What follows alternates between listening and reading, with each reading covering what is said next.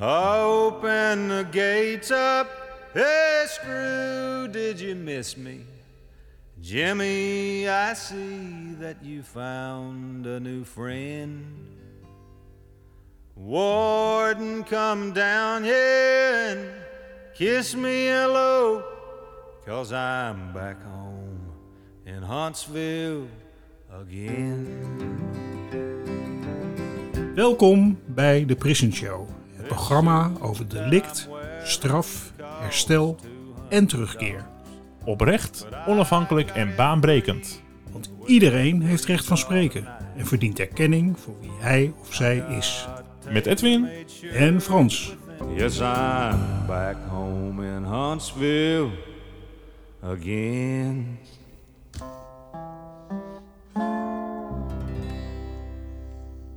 En zoals elke vrijdag, welkom bij weer een nieuwe editie van Prison Show Podcast.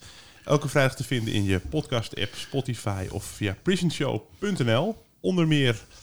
En eh, Frans, waar zitten wij? Want we zitten op een hele bijzondere locatie weer. Nou, ik heet jullie van harte welkom eh, bij eh, de bed and breakfast bij ons, bij, bij mij thuis. De bed and breakfast van mijn zoon. En daar mochten we gebruik van maken vandaag. En dan zit je boven op een oude hooizolder die helemaal verbouwd is. En dan kijken we uit over de weilanden van eh Westzaan. Eh, Als je hier door het raam kijkt, dan zie je in de verte zie je station Zaandam en Zaandijk. Dus we zitten hier eigenlijk op een eh, prachtige locatie. Samen met onze hele bijzondere gast van vandaag. Ja, die stel ik graag even voor aan de luisteraars. Want vandaag hebben we eh, in de Prison Show te gast Huig Plug. En Huig was nog niet zo lang geleden een gewaardeerde collega in het gevangeniswezen van jou, Frans. En in het bijzonder in de PI Scheveningen. En hij werkte daar vanaf 1990 bij het gevangeniswezen in de functie van bewaarder en later als eh, PIW'er, ofwel penitentiair inrichtingswerker. Hij ging met eervol verslag, dat was in 2019. En Huig heeft nooit gewerkt in een inrichting waar, eh, waar jij directeur was, Frans. Maar jullie leerden elkaar Nee. in 2017 kennen eh, toen jij samen met drie collega-directeuren van Restore Justice demonstreerde voor het toekennen van een herzieningsverzoek in de, zaken, in de zaken bij Bazin. Huig heeft eh, onderzoek gedaan en actie gevoerd in de zaak van eh, de van misbruik verdachte topambtenaar Demming en in de zaak, bij, in de zaak Bijmazin. En hij kaartte misstanden bij de overheid aan en ontpopte zich als klokkenluider van misstanden in de Scheveningse gevangenis. En de manier waarop hij dit activisme bedrijft en bedreef, heeft het gramschap van de overheid gewekt. Anders gezegd, ze werden gek van hem. Ja, wat, eh, eh, waar, waar het vandaag vooral over zal gaan. Het zal beginnen bij, met eh, toestanden in de Scheveningse gevangenis. Dus niet zozeer over de andere zaken waar Huig en ook ik zich voor hebben ingespannen. Ehm, want wat je ook kan vinden van Huig zijn mening en uitlatingen. Hij heeft nog nooit fysiek geweld gebruikt. En heeft daar ook nog nooit mee gedreigd. Huig werd ontslagen, kreeg diverse contactverboden en dwangsommen opgelegd. Zijn huis zal worden geveild om die te betalen. En Huig verbleef onlangs zelfs tweemaal in detentie. Tijd om op een rijtje te zetten wat de overheid Huig verwijt en welke gevolgen dat voor Huig had. Ten slotte staan we stil bij de vraag waarom Huig dit doet. Welkom in de Prison Show, Huig. Ja, dankjewel Frans. Ik moet eigenlijk lachen vanwege de opsomming. Ja? Omdat ik denk van, eh, wat is eigenlijk allemaal gebeurd, joh? Ja, Eh, ja. eh, Ik, onder, ik, ik ben dan de persoon eh, die... Het is mijn eigen verhaal, maar eh, ja, we hebben elkaar al eh, lang niet gezien. Dus bedankt voor de uitnodiging. ja. En eh, ja, zoals gezegd, we kennen elkaar eh, uit het eh, gevangeniswezen. Jij was directeur in de gevangenis van Herengewaard. Klopt. Ja. En ik was eh, nog eh PIW'er toen ik in 2016 over jouw gevangenis vloog. Ja. Weet je dat Ja, nog? Ja, dat weet ik nog. Dat was, eh, dat was ook zoiets hè, van ehm, eh, een, een interventie, een, een, een zweefvliegtuigje. Toen was ik trouwens geen directeur. Hè, meer. Nee, je was net Toen klaar. was ik net met, maar je had het aangekondigd op Twitter. Klopt, klopt. Ik had het gehoord via via en heb het toen aangekondigd. En eh, toen is er een vliegtuigje over de, de baaiers heen gevlogen. En dat heeft ontzettend veel reactie eh, opgeroepen. Waarbij het overigens zo is dat ook dit weer weliswaar veel opzienbaarder, maar niet iets illegaals was, zeg maar. Dus dat is wel even, eh, even goed om dat steeds te onderscheiden. Hè? Er gaan allerlei verhalen rond. Het was van- toegestaan, het mag. Het mag gewoon. En ehm, nou ja, ik weet in ieder geval dat, dat op grond daarvan de heer Barbechin met ontzettend veel toeters en bellen en een helikopter eh, weggeplaatst is. En straf heeft gekregen. Wat toen wel eh, tot gevolg had dat, dat de zaak eh, in alle kranten kwam. Er kwam meer aandacht voor. Dat, wel. Hij heeft het mij niet kwalijk genomen, Barbersin. Nee, dat, dat heb ik ook begrepen. Nee. Klopt. Hij is ook in de Prison Show geweest trouwens, meneer Barbechin. Ja, En, het, ja. Gek, het gek is, ik heb sommige dingen gewoon, zijn er langs me heen gegaan. Want je zit allemaal in je eigen strijd verwikkeld. Ja.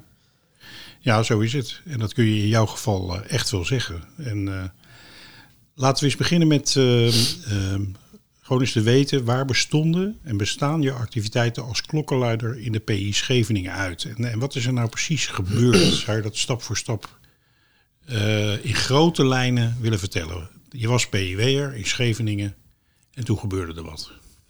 Ik was, klopt, ik was nou ja, bewaarder, cipier, penitentiaire inrichtingswerker in eh, het Scheveningse gevangenisziekenhuis. En eh, ja, klok, klokkenluider, dat word je niet zomaar. Of, eh, je, je begint gewoon met melden. Als er gewoon iets mis is op de werkvloer, je weet hoe dat gaat, dan dien je dat gewoon eerst onderling op te lossen met je collega's. Gaat dat niet, dan ga je naar je teamleider toe, directie. Maar het was gewoon de wat, zaak. wat was er mis? Wat was er mis? Wat was er mis? Ehm, er was veel ziekteverzuim onder het personeel door de, door een, ehm, door de werk- en handelwijze van een teamleider, van een afdelingshoofd. Oké. Ja. En die zorgde voor spanning onder het personeel, maar ook onder gedetineerden, met name moslimgedetineerden. En dat, eh, dat, dat duurde al vanaf eh, 2016. En in 2017 werd het gewoon problematisch. En toen heb ik en iemand van de OR, ondernemingsraad, eh, hebben wij aan de directie gevraagd om met spoed een vergadering te beleggen. En eh, dat we allemaal aanwezig konden zijn, alle PIW'ers. En die directie en de twee afdelingshoofden. ja. En eh, nou ja, met spoed, maar dat werd pas ingepland na drie maanden. Mhm. Dus dat is ook wel best wel lang. 90 dagen moest, moest je wachten. Moesten we wachten. En in die 90 dagen zijn er ook wel heel veel incidenten gebeurd. En wa- wat voor incidenten moet ik dan aan denken? Nou, buiten dat, er was gewoon heel veel spanning. Die man was het gesprek van de dag. En hij had eh, drie gedetineerden. Eh, En de man is het afdelingshoofd, hè? ja, was het gesprek van de dag. heel goed dat je het even zegt. Daar had men het steeds over. Want ja, mensen gingen zich echt één of twee weken ziek melden. Omdat ze zich niet... Ze konden eh, er niet meer tegen. Ja. Hoe hij, eh, hij... eh, Wij moeten... Of je moet zorgen voor orde en rust op de afdeling, toch? Dat is een Ja. van de basistaken. Maar hij zorgde juist voor spanning. Ja. Op de, eh, zijn aanwezigheid zorgde voor eh, eh, eh, reuring en eh, narigheid. Nee, even voor de duidelijkheid. eh, ik kan dat toelichten en beamen dat eh, het in ieder geval zo is dat eh, een van de allerbelangrijkste dingen op een afdeling in een gevangenis is dat iedereen zich veilig voelt. Ja, En, rust, en dat er rust is. en dat was niet zo. Gedetineerden moesten huilen als hij... hij, ging, hij zocht ze op. En met name drie moslimgedetineerden. En met, al deze, met deze drie personen had en heb, heb ik een goede band. Hm.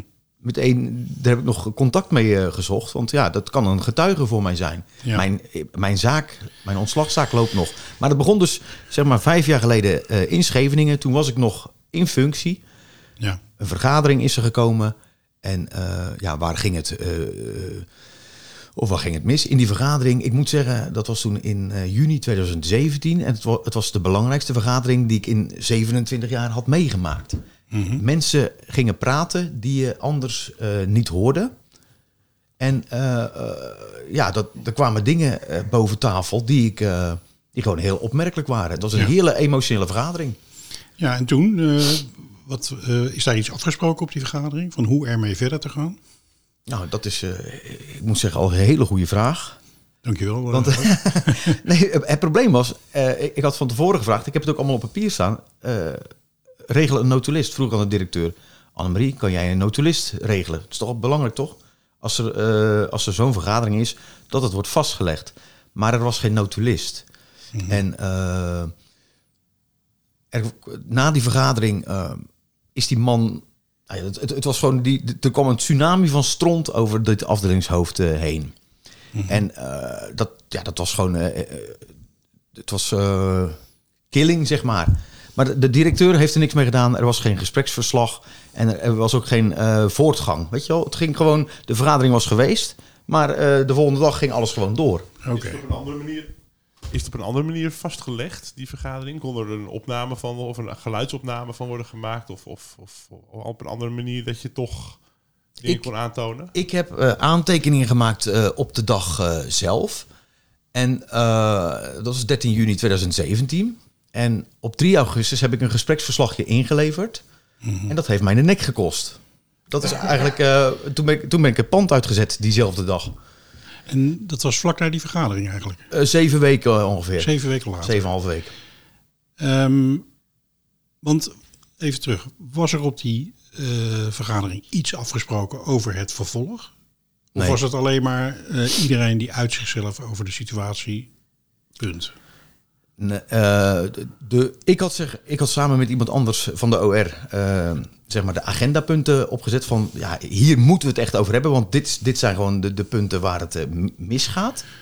Ja. En, maar de directeur opende vervolgens de vergadering met een heel ander item. Die, ging, die, ging, ja, die probeerde ons verhaal zeg maar De downsizing. ja, of de downside, om het er niet over te hebben. Maar na een uur werd het, die dag, werd er na een uur pas wel over gesproken. En toen ontplofte gewoon eh, in die zaal het verhaal. Vervolgens heb je de- natuurlijk de ondernemingsraad in, een, eh, ehm, in de bias, die dan het overleg verder aangaat. Is het daar verder gegaan? Het, over, het Nee. gesprek over de punten?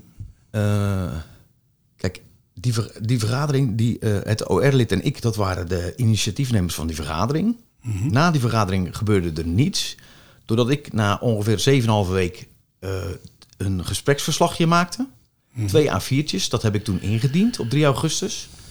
En vijf uur, vijf uur na het indienen van een verslag ben ik de tent uitgezet. Toen zeiden ze van, "M- het gaat niet goed met je huig. Oké, dus... eh, En het OR-lid hebben ze, eh, dat, dat was een paar weken voor mij al het pand uitgezet. Dat wist ik niet eens. Maar als je iemand het pand uitzet, hè, dus zeg maar schorst. Mhm. Want dat was een formele schorsing, neem ik aan. Je kan iemand niet zomaar het pand uitzetten, toch? Nee, pas later, toen ik thuis zat, kreeg ik te horen wat er met het OR-lid was gebeurd eerder. Dat had ik niet eens eh, gehoord. Dat Ja. was weer in een andere periode gebeurd. Maar die was naar buiten begeleid ook. Nou, je weet zelf wat naar buiten begeleiden betekent. Dat voelt, dat voelt ook niet echt eh, veilig natuurlijk. Nou ja, dat, dat gebeurt wanneer je een, eh, een brief krijgt dat, eh, dat je ergens van verdacht wordt. Of dat, je, dat er een onderzoek naar je gestart wordt, bijvoorbeeld. Dan, dan word je buiten de deur gezet. Eh, dan word je geschorst. Een formele schorsing krijg je dan. Maar dat was in dit geval, eh, dat was hier niet het geval. Maar eh, als terugkijkend, toen, toen de tijd in 2017, toen, toen ging ik pas een lijn ontdekken van, joh, waar zijn ze mee bezig? Kijk, de initiatiefnemers werden kalt gesteld. Wij werden het pand uitgezet. En ik ben uiteindelijk eh, ziek thuis komen te zitten, of ik ging me ziek melden. En het OR-lid, die werd voor twee jaar naar Schiphol, detentiecentrum Schiphol, verplaatst. Oké. Ik concluderen dat je eigenlijk eh, in eerste instantie het pand uitgezegd bent... zonder dat er een formeel schorsings, eh, schorsingsbesluit lag? Ik. Ja? Ik ben nooit geschorst geweest. Eh, sterker nog, er is nooit een besluit opgemaakt. Niet, er staat niets op papier bij mij. Er is gewoon gezegd, eh, je moet nu weg. Op 3 augustus werd ik van de werkvloer afgehaald. Vijf uur nadat ik een gespreksverslag van die crisisvergadering had gemaakt. Er stond geen woord. precies. ge- eh, er is, ik heb vastgelegd wat er is gebeurd die dag op 13 juni 2017. Maar het was onge- Frans, wat had er nooit mogen gebeuren? Het had niet vastgelegd mogen worden. En ik had het vastgelegd. Ja, ja, Dat was niet de bedoeling. Ja, ja. Dat is wat er gebeurd is. Oké. En, en onder het mom van het gaat niet goed met je, moest ik, moest ik eruit. Oké. Maar dat is nooit, eh, het is nooit in een besluit vastgelegd, want dan had ik in bezwaar kunnen gaan. En hun argument was dus het gaat niet goed met jou eh, mentaal. Of, of dat je te, te gestrest was. Of, of zo'n soort argument. Ze zeiden het gaat niet goed met je en je mag niet meer met gedetineerden werken. Oké. Verder geen argumentatie of een benoeming van... Nee, het was gewoon een hele. eh, eh, nou ja, het was, eh, ik moest verwijderd worden, want ik was lastig voor hun. Ze wisten Ja. niet hoe ze ermee om moesten gaan. En eh, ja, niet het, pro- niet het probleem zelf, die, dat de afdelingshoofd werd aangepakt. Nee, ik werd eh, eruit gezet. En op een bijzondere manier, kan ik zeggen. Dus, dus, en wat was de volgende stap? Want jij meldde je ziek, want je voelde je niet goed. Nou, ehm, op donderdag 3 augustus 2017 zei ze, eh, moest ik acuut van de werkvloer. Ik had een dagdienst. Ik moest nog luch- luchten, maar ik mocht niet eens luchten met de vrouwen. Ik moest gelijk weg, want het ging niet goed met me. En ik zou eh, in de bouwpool worden geplaatst, bouwtoezicht. Ja. En eh, toen dacht ik van, nou weet je wat, in die dagen die dan zouden volgen, dacht ik van, dat ga ik maar doen, weet je wel. Ik heb geen zin in, in, in gezeik. Maar ja, toen ging ik me, op het moment dat ik de deur uitliep, zeg maar, in de gevangenis, je weet hoe snel het kan gaan. Als er een, eh, wat is er gebeurd? De directeur heeft een half uur na dat gesprek, nadat ze mij de wacht heeft aangezegd, eh, toen heeft ze een mailtje gestuurd naar, het hele, eh, naar alle personeel van het gevangenisziekenhuis. Eh, dat ik naar bouwtoezicht zou worden verplaatst. En dat ze voor de rest geen mededelingen zouden doen. Maar dat zo'n mailtje, Bad News Travels Fast, dat wordt gelijk over het hele complex verspreid. Ja. Zo gaat dat. En men gaat bellen en dan zei, heb je het al gehoord? Huig is eruit gezet. En er was al sprake van een angstcultuur in het gevangenisziekenhuis. Maar doordat ik eh, eruit werd gezet, ja, kwam er een extreme angstcultuur. Ja. Kun je, ehm, waar, ik- waar ik eh, benieuwd naar ben, is A, waar die angstcultuur uit bestond. En B, hoe het komt, want dat heb ik ook begrepen, dat er toch een aantal mensen achter jou zijn blijven staan. Eh, ja, het was gewoon. eh wat een fijne tent. Maar eh, er werd zeg maar een afdelingshoofd bij ons in de tent geplaatst eh, met een militaire houding. Weet je wel, een soldatenhouding. En eh, bij ons was het heel amicaal dat je gewoon met de, met de eh, patiënten. Nou, als je. Niet iedereen gaat zo, maar jij bent dan voor mij Frans. Als je gedetineerde bent, spreek ik je aan met je voornaam. En hele, maar dat mocht opeens niet meer. En men, ja, het personeel ging op hun tenen lopen. Je had, je had het gevoel dat je à la minuut afgerekend kon worden, zeg maar. Ja, ja. En ehm, het is niet zo dat toen jij eruit gezet werd, dat toen meteen iedereen stopte met dingen aankaarten. Eh, nee, zeker niet. Ja, eh, toen begon het pas eigenlijk. Vertel, wat, wat eh, begon er toen? Nou ja, eerst was het. eh, ehm, ik zat toen thuis eigenlijk. Ik wilde gaan werken, maar eigenlijk op, op doktersadvies van mijn huisarts. Die zegt van, joh, het lijkt me niet verstandig dat, dat ik naar de werkvloer zou gaan. En zij heeft tegen mij gezegd, meld je ziek, Huig. En dat heb ik toen gedaan op, de, op 7 augustus 2017. Die ziekmelding werd niet geaccepteerd door mijn leidinggevende toen de tijd. En toen heb ik een jurist ingeschakeld. Want ik zeg, joh, luister goed. eh, ik zeg, ik meld me ziek. Weet je wel, je hoort me toch goed? Ik meld me ziek. Ik voel me niet meer veilig ook. En ik zat toen thuis. Eh, in de maanden daarna... Ja, toen zat ik thuis en er werd ook geen contact met me opgenomen. En eh, ik ben niet eens de eerste melder. Eh, in november 2017 is een collega van mij... eh, die heeft een externe melding gedaan bij het hoofdkantoor... bij de vertrouwenspersoon. En de eerste melding die kwam van een collega van mij. En ik, ben, ik heb op december 2017 een melding gedaan bij Thea Bogers. Jij kent haar? Ja, vertrouwenspersoon. Centrale Vertrouwenspersoon Integriteit, CVI. Klopt, hoofd van de geestelijke verzorging Ja, bij DJI. klopt. Ja. Hoofd van de, de, de alle, dus van dominees, eh, paters, eh, pandit eh, en alle geloven. Maar ik, ben, ik heb een melding gedaan en mijn andere collega een maand eerder. En uiteindelijk zijn we in januari 2018 extern gaan melden bij twee vertrouwenspersonen. Hebben we, toen zijn we gesprekken opgestart. En uiteindelijk zijn we, hebben we drie gesprekken gehad met vier PIW'ers. Tegelijk. En dat was eh, toen zei die eh, Thea, die zei eh, in haar vertrouwenspersoon gebeuren, had ze nog nooit zo'n uitgebreide en ja, nare zaak eigenlijk op het bordje gehad. Ja, dus jullie waren met z'n vijven hè, op dat moment. Vier PIW'ers en twee vertrouwenspersonen. En twee vertrouwenspersonen. Ja. Dat zaten bij de centrale vertrouwenspersoon om te vertellen over de misstanden in de PI Scheveningen. Ja. Nou ja, het, het, het, was, het eerste gesprek kwam erop neer van... eh,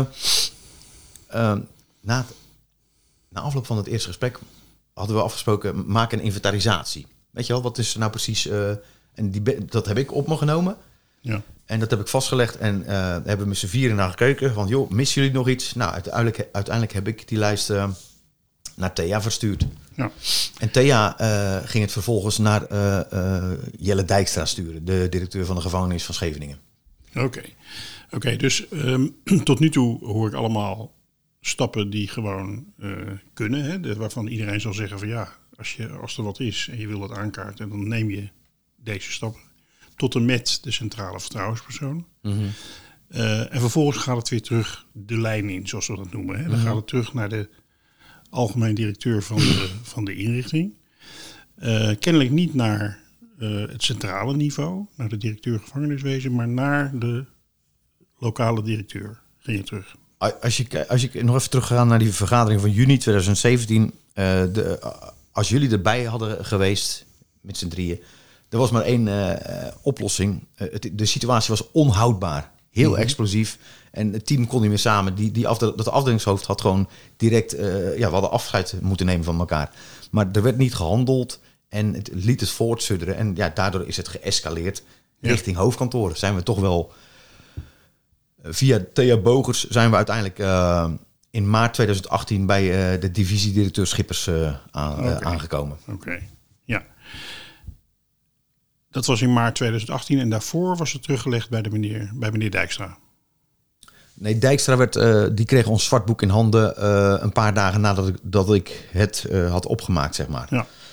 ja, ik heb toen ook dat zwartboek gelezen. Ja. En ik heb toen tegen je gezegd van, goh, als daar maar een heel klein beetje van waar is, dan is daar wel echt een heel groot probleem. Ehm, wat, heb, wat heeft vervolgens de lijn ermee gedaan? Ehm, deze zaak, de Scheveningse zaak, die heeft eh, zeg maar vanaf januari 2018 tot maart 2019, 14 maanden lang eh, is hij, heeft hij op de tafel gelegen van de hoofddirectie, DEI. Eh, Gerard Bakker, hoofd DEI, heeft zich ermee bemoeid. Monique Schippers, ehm Roelofs, Annelore Roelofs, ze weten er allemaal van. Dus die, hebben, die hebben dat... eh, maar ze, ze hebben nooit onderzoek gedaan. En uiteindelijk op 15 maart 2000... eh, wat is het ook weer? Dan verlies ik bijna de datum uit het oog. In 2019, 15 maart 2019, zei Bakker... eh, de zaak is klaar. En hij gaf het weer terug aan de PI Haaglanden. Maar er was nooit een onderzoek geweest, weet je wel? Dus wij vroegen elke keer van... eh, hij sprak nog steeds over vermeende misstanden. Ik zeg, ja, als je over vermeende misstanden praat... Ik zeg, wat heb je dan de afgelopen 14 maanden gedaan, toch? Heb je het nou onderzocht of niet?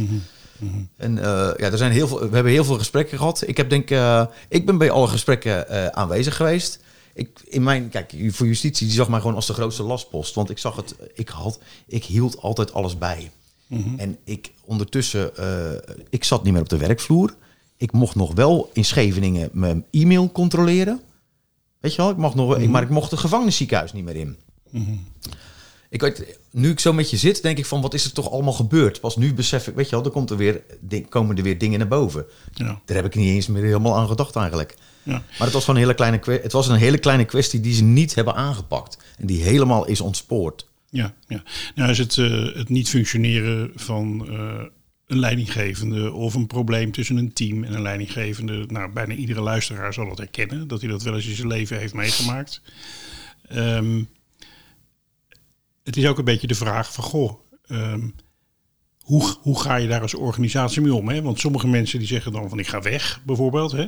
Ik neem ontslag. En andere mensen, en daar behoor jij toe, zei van nee, maar eh, ik vind het zo serieus en zo belangrijk. Ik vind dat hier wat mee moet gebeuren. Ja? Wat je eigenlijk beschrijft is een situatie waarin iedereen ervan af weet. Maar er geen onderzoek wordt gedaan, geen onafhankelijk onderzoek, zelfs geen intern onderzoek, voor zover jij weet. En eigenlijk alleen steeds de, eh, het probleem weer terug werd gelegd naar de organisatie. Eh, klopt, maar ondertussen toen ik eh, thuis zat en toen onze meldingen liepen, eh, toen zijn er gedetineerden en advocaten die zijn aan de bel gaan trekken. Er zijn eh, eh, het Algemeen Dagblad met, en Koen Voskou hebben daar het meest over gepubliceerd. Ja, En ja, ik, ben, ik ben ook contact gaan zoeken met Koen. En ja, ik heb het een en ander verteld over wat een ja, bevestigd van joh. en dan ging hij zeggen van joh, gedetineerden hebben mij benaderd. En, en ook advocaten. Ik zeg, nou ja, het, het is mis. Ja. En je gaat, ik, ik, ik, dat doe je niet voor je plezier eh, lekken. Dat doe je, je wil dat er actie wordt ondernomen. En natuurlijk kan je zeggen van eh, pak je biezen eh, en ga weg. En het is een ziek bedrijf of een zieke cultuur. Maar ik wilde het verbeteren. En mijn ontslagzaak die loopt nog bij de Centrale Raad van Beroep. Ik heb schriftelijke verklaringen. Ik wil, ik wil mijn collega's, er zijn collega's die zijn bereid om onder Ede te getuigen voor mij. Alleen ik mag ze nog niet oproepen.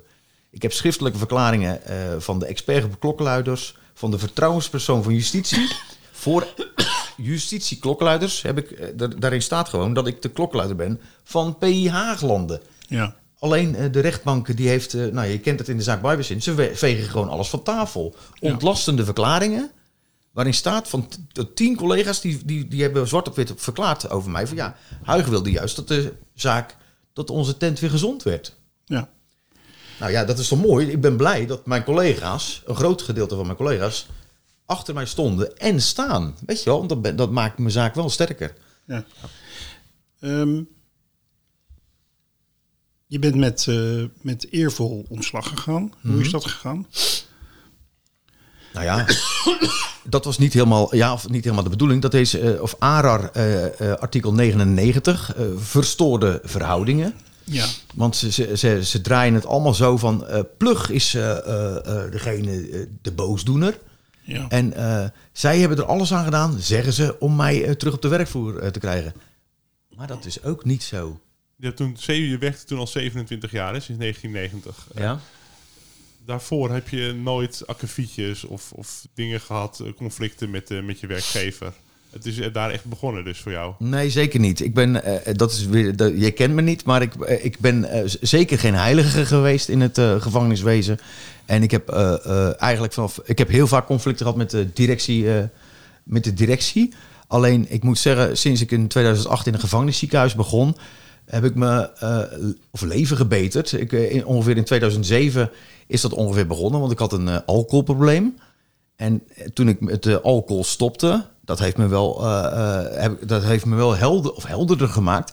Daardoor ben ik wel anders in het leven gaan staan. En in 2008 belandde ik in het gevangenisziekenhuis. En daar he- heb, ben ik gewoon anders gaan werken. Ja. En, en eh, als men terugkijkt van ja, eh, heel veel collega's die kennen mij van vroeger. En ja, ik ben geen. mijn naam kennen ze allemaal nog wel op P. Haaglanden. Maar dat was het altijd. Ik, mijn vleugel was altijd rustig. Dat is toch het belangrijkste, hè? Als, ik als het werkt, als, je, eh, als jouw vleugel rustig is, dat is wel. eh, Dat is heel belangrijk. Ja. dat is, ba- dat is, Maar goed, ehm, eh, eh, je was een goede PEW'er. ik heb ook mindere tijden gekend, maar ja, dat is, het is zoals het is. Dat ontken ik Ja. ook niet. Ja. Het, ik denk dat het belangrijk is om vast te stellen dat je gewoon een goede PEW'er was. Dat je, dat je goede beoordelingen hebt gehad. Zeker.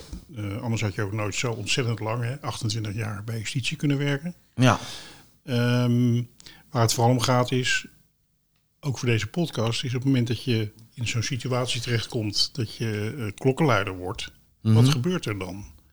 En ehm, nou ja, je bent toen met eh, ontslag gegaan. Ehm, en dat, dat betekende voor jou niet het einde van het protesteren. Wat ben je toen gaan doen? Nou, ja, 2019 is wel een eh, belangrijk jaar geweest, omdat eh, ik voelde vanaf januari 2019 dat ze me wilden gaan ontslaan. Alleen, ja, je, je hebt het niet zwart op wit. Ja, En ze hebben zich, eh, je hebt dan een wet poortwachter. En dat betekent dat ze jou zo snel mogelijk op de werkvloer moeten krijgen. Alleen in mijn geval hebben ze dat nooit gedaan. En was vanaf meet af aan duidelijk dat, dat ik gewoon dat ze me weg, dat ze me uit het, het hele complex weg wilden hebben. ja, En eh, ze wilden me de, op een gegeven moment stond het wel op papier dat ze me wilden ontslaan in juni 2019. Dat werd toen eh, eh, bevroren. Want toen had ik een melding, toen mocht ik naar de inspectie. Maar uiteindelijk hebben ze me, de secretaris-generaal Rietstra, die heeft in september 2019, trok hij mijn ontslag in als een donderklap bij helder hemel. Heb ik zwart op wit staan. En dus ook een nieuwe, ik, ik zou een nieuwe baan van hem kunnen krijgen, mits ik alles introk en voortaan Ja. mijn mond zou houden. Dat is best wel apart, toch? Ja, dat zijn wel een soort van protocollen die steeds, die ik steeds weer hoor van mensen die een conflict hebben op hun werk of die kritiek hebben op. Ik, ik heb het ook bij andere soort organisaties eh, gezien en meegemaakt. Je moet het wel terugtrekken en dan is er heel veel mogelijk. Dus dat heb jij ook meegemaakt. Dat is wel Ja. ja, apart. Dan moet je je eigen woorden, je eigen voetstuk waar je heel sterk op staat, moet je dan maar terugnemen.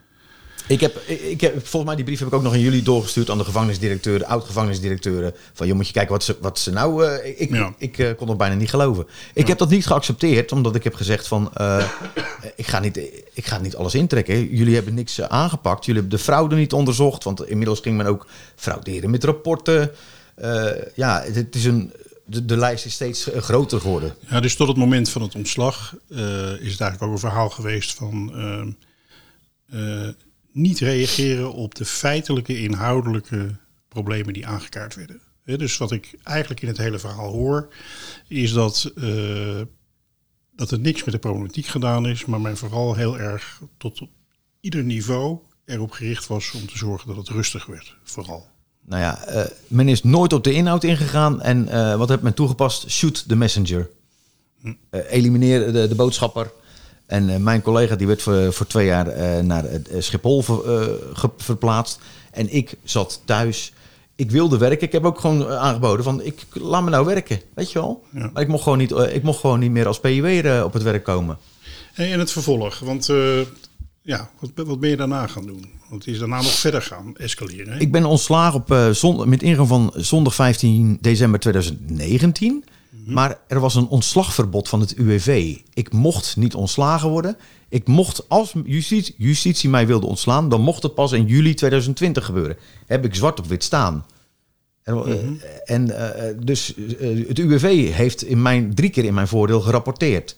Ja. En eh, doordat ik werd ontslagen, Dus die UWV vond dat er iets met het conflict moest gebeuren, in plaats van dat je ontslagen werd. Ik heb UWV, mensen klagen vaak over het UWV. In mijn geval gingen UWV-medewerkers mij op hun vrije dag bellen. En die zeiden, meneer Plug, eh, eh, u heeft een, eh, volgens mij bent u een heel apart verhaal. Ik zeg, nou, dat heb je knap, dat weet je wel, dat heb je snel gezien.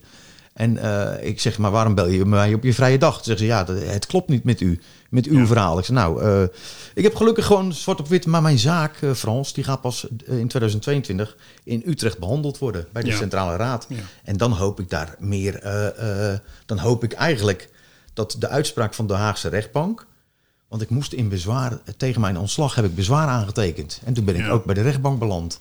Maar ik zeggen dat je nu in een soort hele langdurige juridische eh, toestand terecht bent gekomen, die uiteindelijk pas vele jaren na het ontstaan van het conflict tot een eh, uitspraak zal gaan leiden.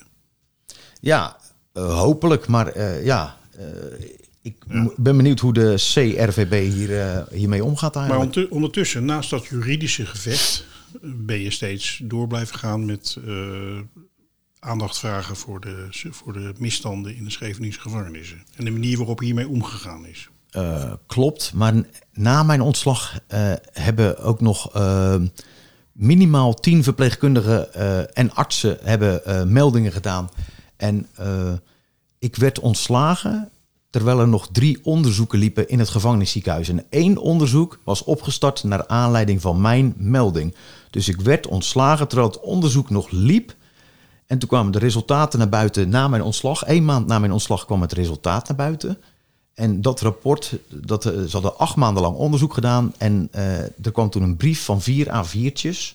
En ja, iedereen die het heeft- heeft gelezen, die weet van, ja, het is niet compleet. En tien artsen en verpleegkundigen, die hebben toen aan de bel getrokken. Die Wie deed dat onderzoek? Wie deed dat onderzoek? de inspectie Justitie en Veiligheid. Dat Ja. is de recherche, zeg maar, van de DEI. Ja, van DI zelf, hè? Ja, de slager keurt zijn eigen vlees. Precies, ja. ja. En ik heb heel vaak op Twitter, eh, want Twitter was mijn uitlaatklep. eh, de inspectie zit op de 35e etage. En Gerard Bakker, die, de inspectie moest Gerard Bakker onderzoeken. En de, Gerard Bakker zit op de 34e etage. Dat is ook best wel gek, toch? En de kantine is op de 36e etage. Ja, ja. Wat denk je, is dat een onafhankelijk onderzoek? Nee. Het loopt zo bij elkaar binnen natuurlijk. Nou ja, ze staan in de lift en eh, we zitten soep ja. met elkaar te eten en Ja. kroketjes. Zo Ja. gaat dat. Oké, ehm, dus dat is gebeurd. Die, eh, die klachten van, de, van, van al die mensen, eh, artsen en verpleegkundigen. Eh, en vervolgens, wat heb jij verder gedaan? Nou, ik ben toen die klacht naar buiten kwam, want die kwam in de krant, dat was in juli 2000, eh, op 6 juli 2020 kwam er een eh, artikel in het eh, Algemeen Dagbla- Dagblad dat er dus tien artsen en verpleegkundigen een zware klacht tegen de inspectie hadden ingediend. Van, Ja. joh, jullie hebben je werk niet gedaan. En een paar dagen later kwam er een artikel, een interview met mij in het Algemeen Dagblad. En ik, ben, ik heb toen in het interview aangekondigd van... zolang er geen nieuw onderzoek wordt opgestart... blijf ik demonstreren in Den Haag. Ja. Waar dan ook. Bij het hoofdkantoor, Binnenhof... bij alle instanties die mij hebben genaaid. Ja. Nou ja, en dat hou ik tot op de dag van vandaag vol. Ja, en dat is wat je doet. Hè? Je gaat naar, eh, naar Den Haag. Je, ik heb allerlei filmpjes ook bekeken. Ehm, je, gaat, eh, eh, en je spreekt ook mensen aan. Hè? Eh, politici bijvoorbeeld. En, eh, en Met een groot bord, een groot wit bord met letters heb je dan eh Ja. bij je. Tekstporten. Ja. En ehm, je bent op een gegeven moment ook teksten gaan gebruiken die, eh, ja, die mensen raakt. Hè? Eh, over pedofilie en dat soort dingen. Nee, Niet? nee. Ik ben altijd, eh, ik heb me beperkt tot het Schevening. Ik ben de klokluider van het Scheveningse gevangenisziekenhuis. En ik draag tekstborden bij me met me- de namen van de ministers en de coördinator integriteit. Daar, heb ik me, daar ben ik altijd voor bezig geweest. Maar ehm, Het, jij bedoelt het verhaal van Lisa. Bedoel je dat? ja, ik bedoel dat, eh, eh, dat ik begrepen heb dat, er ook, dat je ook eh, gezegd hebt dat er een pedofiel netwerk is, waar ook politici bij zijn betrokken en dat soort dingen. Of, of, Ja, ik denk dat het goed is als je heel precies even zegt wat, hoe dat precies zit. ehm, Ook voor de luisteraar, want veel mensen kennen jou daar ook van. Hè? Dat klopt. Maar eh, kijk, bovenal ben ik eh, mijn klokluiderszaak de, eh, van Scheveningen, die loopt nog steeds. Ja. En in de jaren dat ik thuis zat, ja, heb ik ook nog andere mensen leren kennen. En ja, die heb ik wel eens tips gegeven van, joh, zo en zo zit het in elkaar. Of dit zijn, dit zijn jouw tegenstanders. Jij denkt dat die jouw tegenstander is, maar het is die. Weet je wel, ik heb ze ook een beetje wegwijs gemaakt. Ik heb dan veel oude naslagwerken. En ja, nou, de almanak, de staatsalmanak. Maar dat ik, eh, eh, of de pedofilie, kijk, ik heb altijd, eh ja, bijbelzin. Ik bedoel, de luisteraar moet ook, of mensen die jou dan niet kennen. Ik bedoel, jij bent gevangenisdirecteur geweest. En bij jou zat in de gevangenis bijbelzin zelf. ja, klopt. En jij was toch eigenlijk overtuigd van zijn, dat het niet klopte, toch, zijn zaak? Ja, ik, ik was ervan overtuigd samen met drie collega's dat Barbezin, dat het proces van Barbezin aan alle kanten rammelde. Ja. Dus waar we, waar we vervolgens uh, voor gedemonstreerd hebben, was een herziening. Dat er opnieuw een eerlijk proces plaats zou vinden. Ja. Dat is waar wij voor aan het demonstreren Dat hij waren. eindelijk eens een keer een uh, eerlijk proces zou krijgen. Klopt. En uh, Ton Derksen heeft daar verschillende boeken over geschreven, ook over die zaak. En waarin ook heel zorgvuldig en heel wetenschappelijk wordt onderbouwd hoe dat precies zat met die zaak. En we zullen ook uh, binnenkort verschijnt er een nieuw boek over de zaak Barbezin. En degene die dat schrijft, Rijn Gerritsen, die zullen we ook in de Prison Show weer interviewen. Oké. Okay. Dus dat is die zaak. Um, ja, wat ik even uh, voor die klokkenleiderszaak belangrijk vind. Kijk, wat verwijten politici jou? Wat heb je precies gedaan behalve... Of misschien heb je wel alleen maar politici benaderd met... Ik ben de klokkenluider van Scheveningen. Uh, wat wordt jou precies verweten? Behalve het feit dat niemand het leuk vindt als er iedere keer iemand achter hem aanloopt en hem aanspreekt. Nee, of doe, doe je nou dat ik uiteindelijk in de gevangenis ben beland, bedoel je? Wat uiteindelijk tot verdere escalatie. Want er zijn allerlei escalaties geweest. Je bent aangehouden en allemaal dat soort dingen. Wat is er precies gebeurd? Uh, nou, tijdens mijn demonstraties ben ik. Uh, nou, ik, ik, ik doe, het, doe het zo dat. Kijk, als ik alleen. Ik, ik heb ook als alleen gedemonstreerd. Uh, maar op een gegeven moment heb, heb, ik een waarnemer meegenomen. Dat is mijn mm -hmm. neef. Die filmt mij altijd. En die staat op een afstandje. En we hebben afgesproken van jij houdt je afzijdig. En ik ben de demonstrant. Want eenmansacties die zijn toegestaan. Dat mag. Hoef je nooit aan te vragen. Dus ik kan opduiken waar ik wil. En dan politie komt dan altijd en die zeggen van... ja, dit is een demonstratie. Ik zeg, nee, dat is geen demonstratie. Ik zeg, want het ligt zo en zo en zo. Dus dan ben je even een kwartiertje aan het praten... en dan mag je blijven staan. Uiteindelijk hebben ze me tijdens... Uh, ben ik uh, drie keer, een keer van het binnenhof afgehaald... en in, gearresteerd geweest. Eerder, voordat ik in de gevangenis belandde. Hebben we ook gefilmd. Dus dan word je gewoon... Het is natuurlijk een hele aparte ervaring... als je opeens gearresteerd wordt... en naar de Jan Hendrikstraat wordt gereden. En dan, ik ben drie keer, heb ik 2,5 à 3 uur vastgezeten. En, uh, en toen, één keer hadden ze gezegd van, is een strafbaar feit. Nou, daar heb ik een verzetschrift ingediend. En dat is toen geseponeerd wegens gebrek aan bewijs. Want ik ging allerlei documenten opvragen. Ja, maar, maar even voor de duidelijkheid, je hebt nooit uh, mensen persoonlijk bedreigd. We hebben ook wel eens gezien uh, uh, andere demonstranten... die bijvoorbeeld Kamerleden gewoon heel uh, agressief bejegenden. Mm -hmm. Ik heb jou dat nog nooit zien doen, klopt dat? Ik zeg heel vaak in mijn filmpjes uh, van ik, ik gebruik geen geweld, want dan zou ik mijn zaak schaden. Ja. Dan, dan is mijn hele zaak kapot. Ook geen verbaal geweld? Ja, kijk, uh, ik, uh, nee, ik heb niet lopen schelden. Nee, kan me niet eh, heugen, want dat, dat schiet niet op. Ik ben wel eens emotioneel en ik ben wel eens boos. Maar eh, ik, ik zal je dan niet eh, eh, eh, verbaal gaan aanvallen eh, of wat dan ook. Nee, emotioneel en boos mag een mens zijn. Ja, Eh, het wordt anders wanneer je zou zeggen van ik ga je thuis opzoeken. Of ik nee, maar dat is, eh, Frans, daar is geen sprake van. En Nee. ik ben nou uiteindelijk, wat hebben ze nou eh, gedaan? Ik ben gearresteerd op basis van, ja, een heleboel mensen zeggen dat kan niet, maar op basis van een plaatje heb ik zes weken netto in een cel gezeten. En in 2022 weer een, een, een week eh, Mhm. Op basis van een, een meme heet het dan, een eh, oude foto, ik wist niet eens, die al, die al door duizenden mensen was gedeeld. Ja, ik heb het plaatje gezien. Het was een. eh, ehm, ik kan hem even omschrijven. Het was een, foto van een auto met een open laadklep. En daar lagen dan, werd dan gesuggereerd twee lijken in vuilniszakken of in lijkzakken lagen daar. En dan stond het, eh, het plaatje of de tekst in de meme zelf. Dus niet van jouzelf, maar in de meme was...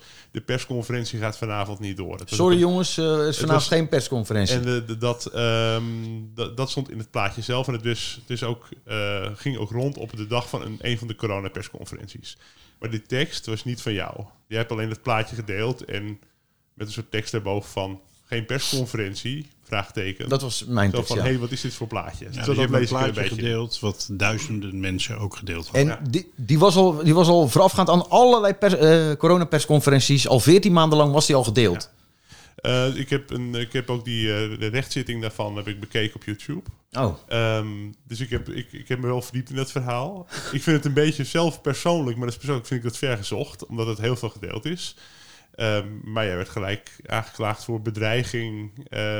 Er was aangifte tegen jou gedaan door Hugo de Jong en Mark Rutte van Ja. bedreiging. Jij zou dan de minister en de premier hebben bedreigd, terwijl het niet jouw plaatje was. Dus jouw argument daarin was ook van waarom... Ja, er zijn veel grotere kanalen met veel meer volgers die dat ook hebben gedeeld. Waarom staan die dan niet voor het hekje?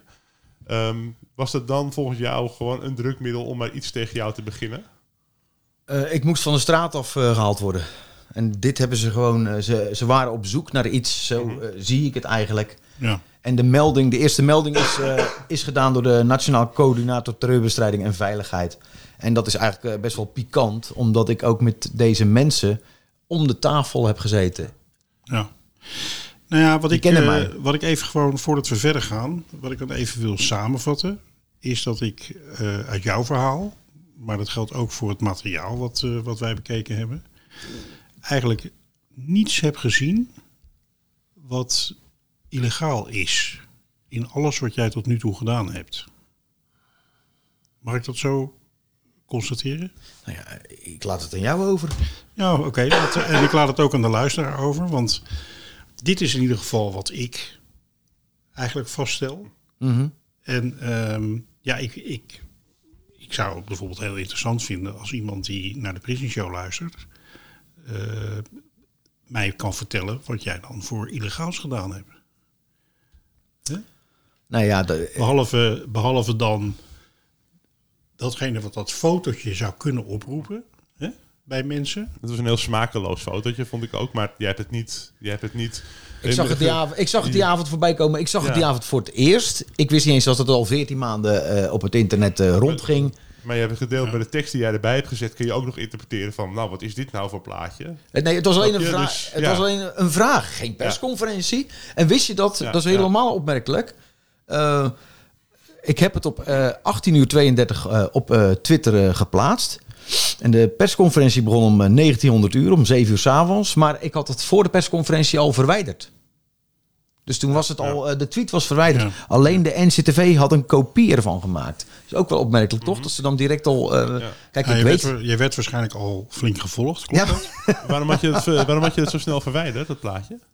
Ik wist, de, ik ga hier problemen mee krijgen. Of ik weet, ik lig onder de loep. Maar het is wel, en ik, het is ook gebeurd. Dus het is een heel interessant proces. Ik wist, maar ik heb aan tafel gezeten in, in de zomer van 2021 met de directeur strategie en analyse van de NCTV. Dus als jij eh, strategie en analyse, dan kan jij beoordelen.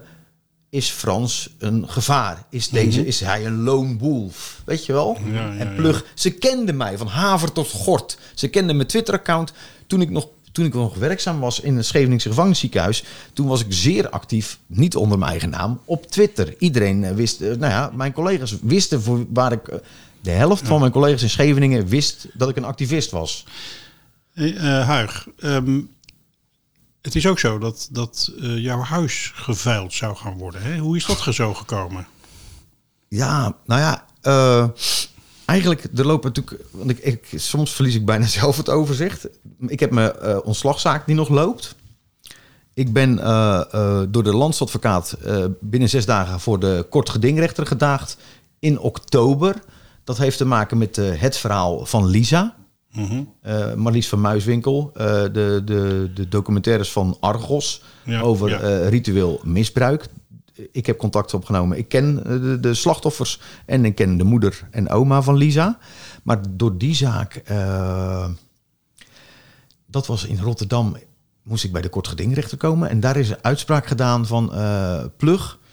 Jij moet eh 300, ongeveer 300 tweets verwijderen die jij hebt geplaatst. En ik, en ik moest een rectificatietweet eh, plaatsen. Maar ik heb me nooit aan de uitspraak eh, gehouden. En wat, wat was dan waar ze over vielen in die tweets? Eh, ik heb de naam van een eh, rechter eh, gebruikt. En ook eh, die, is, eh, eh, die vrouw is eh, getrouwd met de, met de vader van Lisa. Waarvan Lisa zegt, eh, ja, ik ben misbruikt door mijn vader. Ja. En doordat ik dat, eh, ik heb heel veel documenten gelezen. Oh ja, dat was eh, heel goed. Eh, ik ben in, er staan heel veel artikelen van over mij eh, op, in, in de Telegraaf, AD. En dan word ik, nou ja, er wordt er over mij geschreven, maar ze hebben mij nooit gesproken. Ik ben naar het huis. Ze zeggen van, je zou iemand thuis hebben bezocht met een megafoon. Dat wordt jou verweten ook. nou, Of hoe zit dat? Ik ben, waarom ben ik naar het huis van een rechter gegaan? Een raadsheer op dat moment, was, was eh, gepromoveerd en verplaatst. Ehm, ik heb met, eh, je kent het verhaal van Lisa, toch? Je hebt ook Mhm, eh, de docu- Nou, ik, ik was thuis, dronk ik thee bij de familie van Lisa.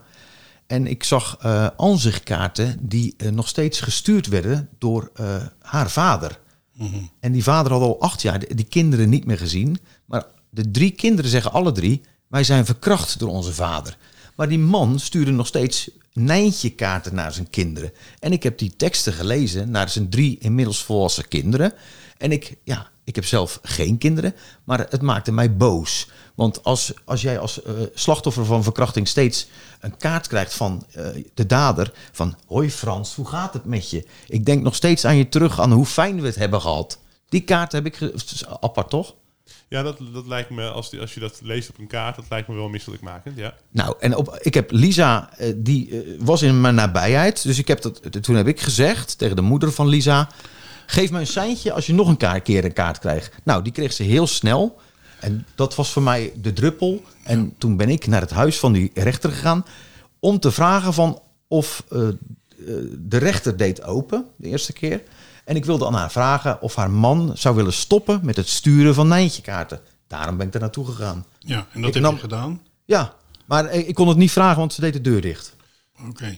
En was het met een megafoon? Want dat las ik ook. Of is dat- Eh, de, hij ging daarna nog kaarten sturen en toen heb ik eh, een megafoon gebruikt. En waarom heb ik een megafoon gebruikt? Eh, omdat ik, ik wilde de buurt waarschuwen, want er wonen heel veel kinderen in die buurt. Ik wilde de buurt waarschuwen van laat je kinderen niet daar spelen. Want er is iets eh, niet pluis. Ja. En dat is nogal wat, hè, wat ik dan allemaal beweer. Maar ik heb ook, eh, ik heb ook eh, documenten en ik heb ja, hele explosieve documenten gelezen. Die er niet om liegen. Maar het werkt natuurlijk ook niet voor je, voor je of het pleit niet heel voor je als je net al mensen thuis bezoekt. Want dat kan je gelijk in een soort daglicht zetten dat mensen over je oordelen van kijk, hij gaat over een grens heen. Dus dat kan ik me ook wel voorstellen. Heb je, je hebt geen spijt ervan dat je dat op die manier hebt aangepakt? Nee, nog steeds niet. Eh, ik, vond, ik vond het mijn taak om mensen eh, eh, te waarschuwen, buurtbewoners, van... de- ik ga niet zomaar over tot actie. hè. Het is niet zomaar een... het is echt een enorm groot dossier. En als ik Ja, met die... En het greep me een beetje aan, of niet een beetje aan. Ik heb de, ik heb de eh, kinderen, inmiddels volwassen, heb ik gesproken. Dus ik dacht van ja, ik kom voor ze op. En eh, eh, ja, Dat is, en daardoor ben ik uiteindelijk in een rechtszaak beland. Ja. En oh ja, het, het ging over het veilen van mijn huis. Ik heb me niet aan de uitspraak van de rechter gehouden. eh, omdat die rechtszaak ook heel vreemd is verlopen. De, de uitspraak over de tweets die zouden moeten worden verwijderd door jou, daar heb je inderdaad niet aan gehouden. En toen? Ehm, ja, daar kreeg ik, eh, er werden er dwangsommen opgelegd. Met ma- eh, voor elke overtreding 5000 euro en per dag maximum 25.000. En eh, met een maximum van 250.000 euro. En die had ik eigenlijk op 25 oktober had ik die limiet al bereikt. En eigenlijk hadden ze op 25 oktober al in kunnen zetten op eh, de verkoop van mijn huis. Alleen, eh, we zijn eh, nu in februari 2022 en het is nog steeds niet gebeurd. Dat is ook best wel gek. Ze hebben er wel mee gedreigd. Ik heb constant eh, brieven gehad van de landsadvocaat, maar ik heb ook een voorstel gekregen om kom eens praten. Om, ehm, ja, ik zie dat toch als een soort deal. Het Ja. is een deal. Ze hebben me een deal aangeboden, wederom. En daar heb ik geen gebruik van gemaakt. Ja. Ze willen dit, dit allemaal stil blijft. Alleen ik ben toen doorgaan met, ik ben, ik ben met mijn meldingen en mijn tweets doorgegaan met deze naam noemen van deze eh, mevrouw. Ja, en uiteindelijk ben ik in de gevangenisbalans. Eh, Men zegt eh, door de bedreiging van Rutte en de jongen. Maar ja, een heleboel mensen die zeggen van joh, het heeft met Lisa te maken. Dat laat ik over aan iedereen. Kijk, ik heb Rutte en de jongen niet bedreigd. Helemaal niet. Ik heb heel veel filmpjes, tientallen filmpjes waar eh, Rutte dan met me praat.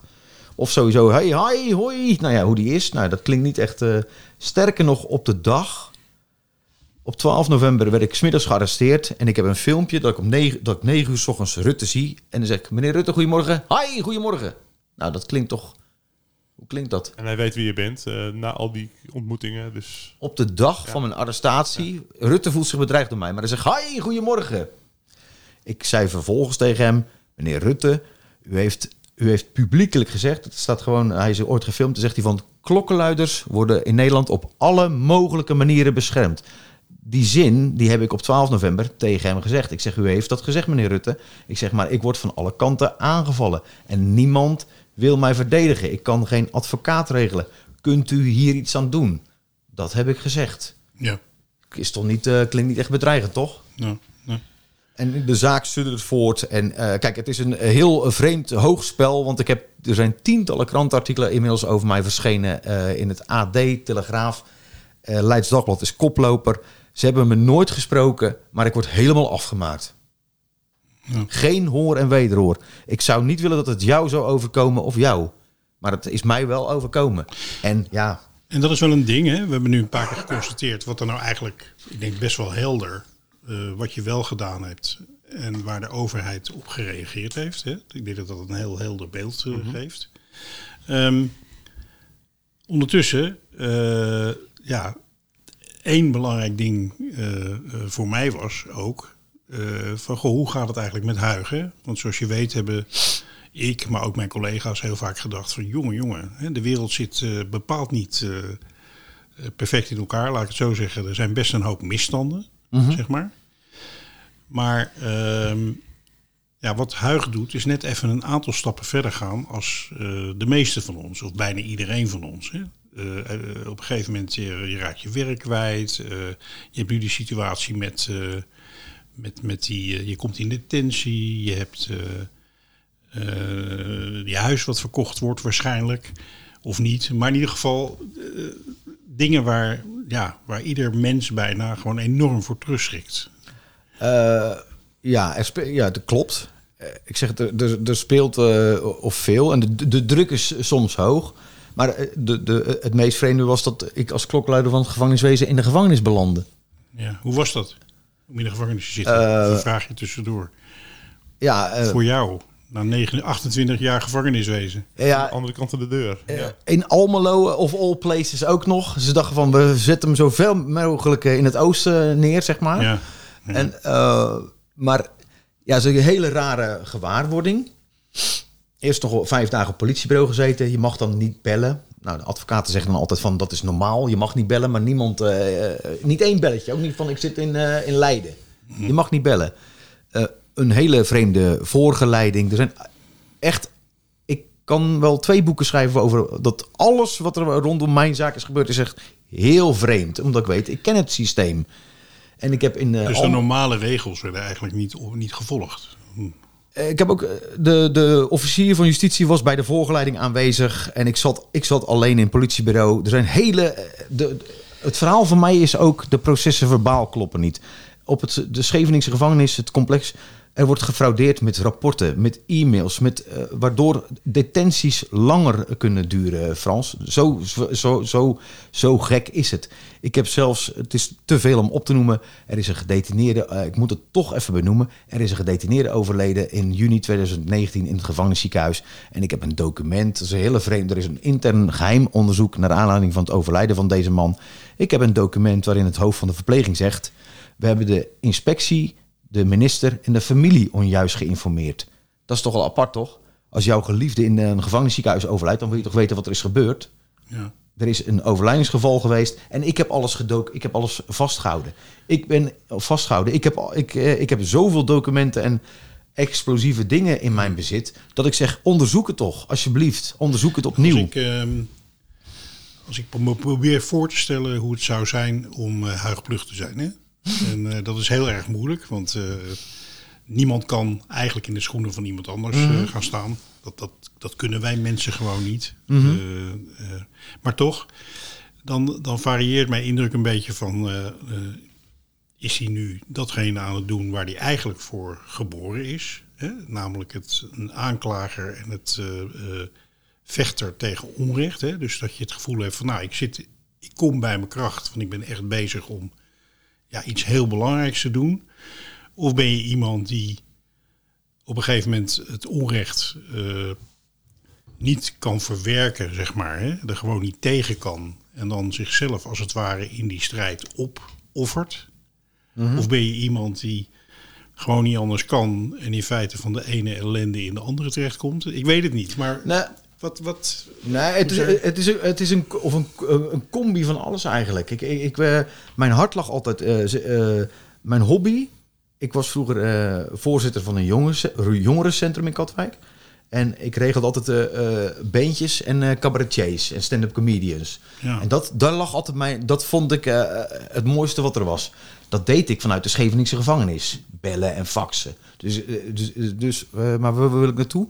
Eh, nu, waarin ik, verzuil, waarin ik verzeild ben Ja, hoe is het nu de kwaliteit van je leven? Hoe is het voor jou om, om dit allemaal mee te maken? Voor jouzelf? Ja, het is een, eh, eh, een strijd. Ik, eh, ik zeg, ik zou wat meer. eh, eh, ik ben meer voor anderen bezig ik, verge- dan voor mezelf. Ik zou eh, iets, Ja. soms iets meer rust eh, moeten nemen. Mag ik iets vragen aan je neef? Ja hoor. Want toevallig is eh, de neef van, eh, van eh, Huig mee om ook eh, de, de beelden te maken. En die kent jou natuurlijk heel goed en die steunt je ook. Hoe kijk jij daar tegenaan? Tegen dat Kom gevecht? maar even bij de microfoon. Dat, Hoe ik er tegenaan kijk? Ja, en hoe het met, eh, met Huig ook gaat. Want even zo, ja. Nou, gaat, eh, gaat heel goed. Ik denk dat we heel eh, scherp zijn. En, eh, eh, als je kijkt bijvoorbeeld nu eh, vandaag de dag naar eh, het verhaal eh, van Pels Rijken. Eh, wat zwaar onder vuur ligt. Eh, die eh, gaat een huis veilen van Huig van 250.000 euro met een boete, clausule. En de bestuursvoorzitter van uh, Pels Rijken, meneer Oranje, die heeft, zeggen ze, 16 miljoen gestolen. Of misschien 160 miljoen. Niemand weet het eigenlijk. Ja, dat heb ik in de krant gelezen, ja. En ja, dat zijn de key ehm, dingen van, eh, van het bestaan van een samenleving. Het gaat om vertrouwen. En als je een notaris al niet kan vertrouwen, wie kan je dan eigenlijk wel vertrouwen in deze wereld? En ja, waar gaat het dan eigenlijk om? Ehm, ja, we zijn toch wel een beetje eh, de beuker aan het ingooien. en eh, ja, wat iemand van ons vindt, dat doet ons eigenlijk weinig. Eh, en we leggen altijd de vraag neer bij de kijker zelf. Die mag zelf oordelen wat hij ervan vindt. Ja, En ehm, ja, de- als, ik, eh, als ik zie wat wij eh, geproduceerd hebben in anderhalf jaar tijd, of in twee jaar tijd, dan denk ik dat dat revolutionair is. Dat doen weinig mensen ons na. Ehm, en ja, mensen worden zenuwachtig, dat wel. Want het is natuurlijk niet leuk als je naam genoemd gaat worden door ons omdat we weten hoe het in elkaar zit. Kijk, wij, laten, wij hebben geen regisseur boven ons zitten. We hebben dus ook geen hoofdredacteur boven ons zitten. We zeggen precies wat we ervan vinden. En eh, ja, als eh, politici het niet doen, of de politie doet het niet, of de recherche of het Openbaar Ministerie doet het. Wij proberen het wel te doen. En eh, ja, de mensen moeten een keertje het journaal uitzetten en hun verstand een keer aan gaan zetten. Want eh, er is nogal veel aan de hand eh, de afgelopen tijd. Ja, dankjewel. Dat wou ik eigenlijk even zeggen. Dankjewel. Jullie zijn duidelijk familie van elkaar, dat wil ik ook wel even zeggen. nee, maar ehm, eh, de, de conclusie die ik er eigenlijk aan verbind is, is dat jullie gewoon hele gedreven mensen zijn die dit uit volle overtuiging doen en ook echt de keuze maken van eh, ja, dit is, dit is wat we willen doen. Is wat we willen. Ja, nou ja, kijk, eh, op de, kijk eh, om op de wereld te komen, natuurlijk, iedereen die heeft wel een, ehm, eh, ja, ik had misschien ook een ander doel voor ogen, maar het loopt zoals het loopt.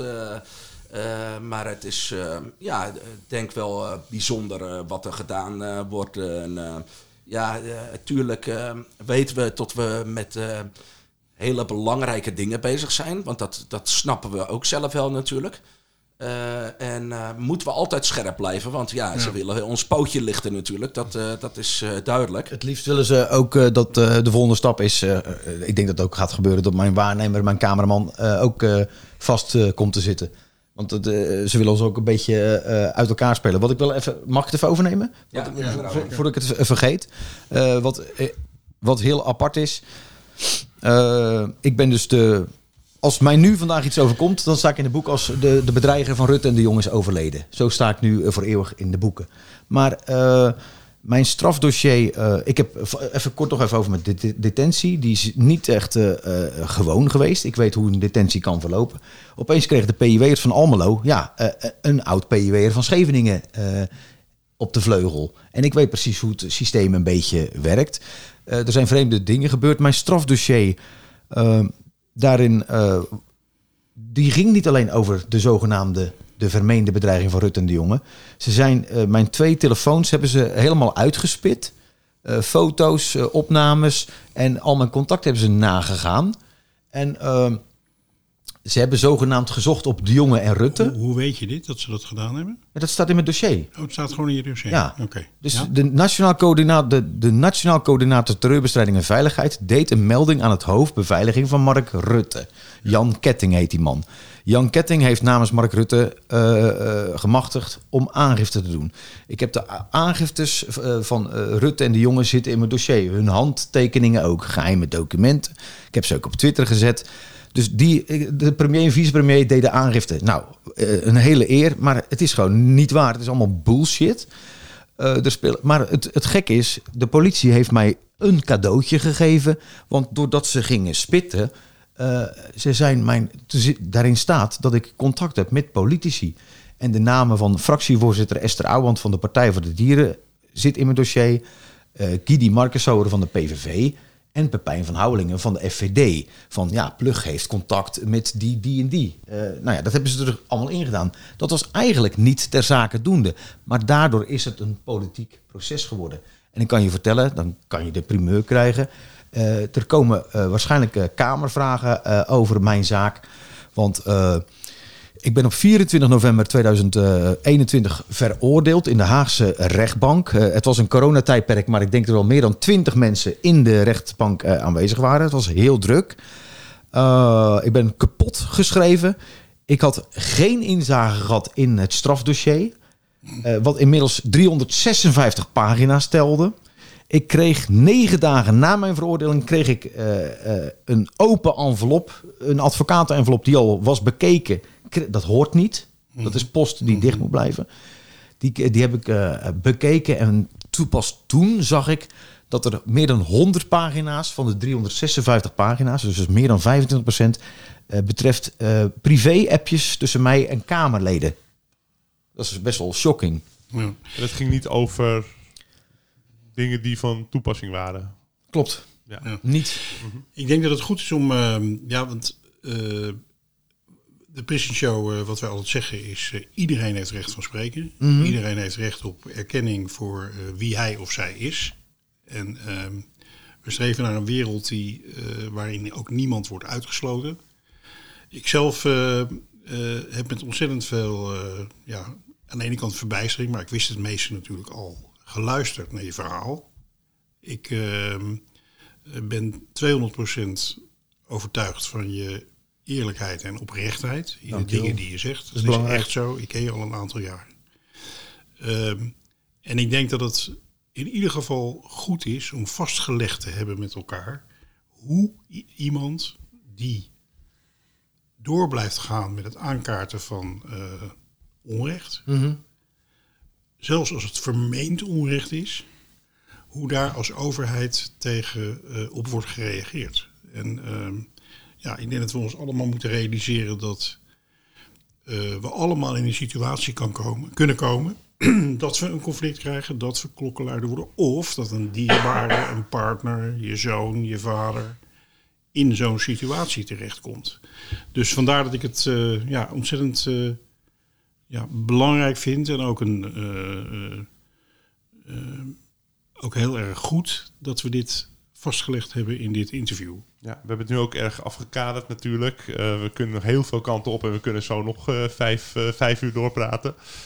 Ehm, dus er zijn ook heel veel onderwerpen die we misschien niet hebben behandeld. Maar daar komt misschien wel een keer een deel 2 of een andere mogelijkheid voor. Maar ik vind wel, volgens mij wel een goed idee dat we dat echt duidelijk hebben afgekaderd. Ja. En eh, dat Ja, het ook naar de luisteraar... terug- Kom vooral terug als er, goede, als er eh, grote En ontwikkelingen dat zijn. de in luister, voor de luisteraar ook een, een, een nog vol, goed volgbaar verhaal is volgens mij als je, als je dit bekijkt of eh, beluistert. Want dit interview wordt ook gefilmd, dus eh, komt vast ook op eh, YouTube terecht. Ja, nou, ik wil, het- is ook de bedoeling, maar ik zeg het, eh, ik speel, ik sta op zoveel eh, velden dat het ook wel misschien een beetje eh, of verwarrend is, maar eh, ik vind het mooi om nu eens een keer geïnterviewd te worden door een oud gevangenisdirecteur die uit het, eh, ja, die uit het veld komt. Ja. En we, ja, we, we hebben samen gedemonstreerd. En eh, eh, ja, als ik jou heb, toen ik jou uitnodigde in 2017 en 18, je was ook heel snel bereid tot actie. Ja, nou, ik ben zelf heel erg ervan overtuigd dat wat de kwetsbare kanten zijn van en de destructieve tendensen zijn van onze systemen. Hè, dat geldt niet alleen voor het gevangenis, voor gevangenissen. Gevangenissen zijn heel kwetsbaar voor bepaalde tendensen. Hè, om, om, het is heel gesloten, de hiërarchie is heel groot. Het machtsverschil tussen opsluiters en opgeslotenen is heel groot. Dus de gevangenis is heel kwetsbaar voor allerlei ja, niet geautoriseerde handelingen en toestanden. Dat geldt niet alleen in Nederland, maar dat is voor alle gevangenissen in de hele wereld. En wat we ook weten, en inmiddels natuurlijk keer op keer ook zien, kijk naar de toeslagenaffaire bijvoorbeeld. We weten ook dat eh, het heel erg lastig is om wanneer je in een positie zit dat je ja, eh, geen macht hebt, eh, om dan je verhaal voor het voetlicht te krijgen. Ook dat weten we inmiddels allemaal. Dus ja, ook vanuit mijn ervaring van eh, 41 jaar in gevangenissen werken, kijk ik met veel belangstelling, maar ook met, met gewoon respect naar datgene wat je doet. Ja. Want ik, ik zeg, de situatie... eh, ik, ik kan zeggen... Kijk, jij bezoekt ook wel eens eh, andere eh, instellingen in het buitenland, toch? Ja, zeker. Ja, gevangenissen. Maar de, wat ik heb meegemaakt in Scheveningen... Dat, de angstcultuur heb ik ook in Almelo geproefd. Dat zie je gewoon. De, de- de- en de meldingen van Scheveningen... Die zijn nooit opgehouden. Dus dat wil ik, vind ik ook nog even. eh, eh, dat vind ik ook nog belangrijk om nu even te vermelden in deze podcast. Na, mij, na mijn ontslag, december 2019, zijn er nog steeds melders doorgegaan. Heel lang. En, eh, ja, de, en die zijn elke keer eh, stuk gelopen op de, op de allerhoogste instanties. En alles is in de doofpot gestopt. Alles is in de doofpot gestopt. En daar mo- of moet een eind aan komen. Daar strijd ik ook voor. Het is natuurlijk een eh, verdorven wereld. En dit is de wereld. Het is nou helemaal niet anders. Maar ik vecht daarvoor en daartegen. Dat is wie Huig is en dat is wat je doet. Omdat ik en elke keer zeg, het kan, wat mij is overkomen, kan jou ook overkomen. En dat is wil ik, eh, eh, ja, dat, dat, daar wil ik mensen een beetje van proberen ervan overtuigen. Ik hoef het niet te doen, maar ik, ik moet het, ik weet het niet. Het is eh, een strijd die ik Ja, niet ik, kan zie, ik zie neerleggen. een enorme drive bij jou. en die- Ja, die- ik, ik moet je heel eerlijk zeggen dat ik misschien wel in een veel eerdere fase, als ik in jouw schoenen had gestaan, eh, mijn, tuin, mijn tuinhek had dichtgelast, mijn deur op slot had gedaan drie keer en eh, boven onder mijn bed was gaan liggen. Om, eh, Om? om te, nou ja, je bent heel ver gegaan en ik, eh, eh, ik weet niet of ik zo dapper was geweest. Nee, ja, maar het, eh, eh, Misschien had ik me wel eh, teruggetrokken. Ja, dat, dat geloof ik. Maar jullie hebben hem ook dat advies gegeven, zelfs nog een paar jaar geleden. De gevangenisdirecteur zegt: Joh, Huig, dit is. We maken ons gewoon zorgen om jou Ja. als mens. Dat, dat, dat is mijn vriendengroep. Iedereen maakte zich allemaal, allemaal zorgen. Maar ja, op een gegeven moment eh, wordt het groepje. Ja, het is, ik zeg, het is een heel. Het is een heel. Het is een heel. Het was een heel klein itempje. wat gewoon op elke werkvloer gebeurt. Het team kan niet opschieten met een, eh, met een, met een hoofd. En pak, pak het aan. Het werd, niet, eh, afge, het, het werd niet aangepakt. En vijf jaar later zit het op regeringsniveau. Zo hoog zit het wel. Zo is het. Het kan enorm groeien van Nou, ik, vond het fijn om hier eh, te zijn. En eh, bedankt. bedankt. voor de, eh, ja, voor de ruimte. Ik Ja. hoop dat de, dat de kijker en luisteraar eh, eh, eh, een beetje, eh, het een beetje duidelijk is geworden. Ja, Jouw- verhaal is eh, verteld en dat is eh, duidelijk. En eh, er is En heel veel mensen te kunnen vinden. reageren, hè, Edwin? En voor dit moment eh, wil ik je ook heel erg bedanken voor je komst naar onze opnameplek voor vandaag. Dankjewel. Dit was Prison Show. Bedankt voor het luisteren en tot de volgende week. Yes, I'm back home in Huntsville again.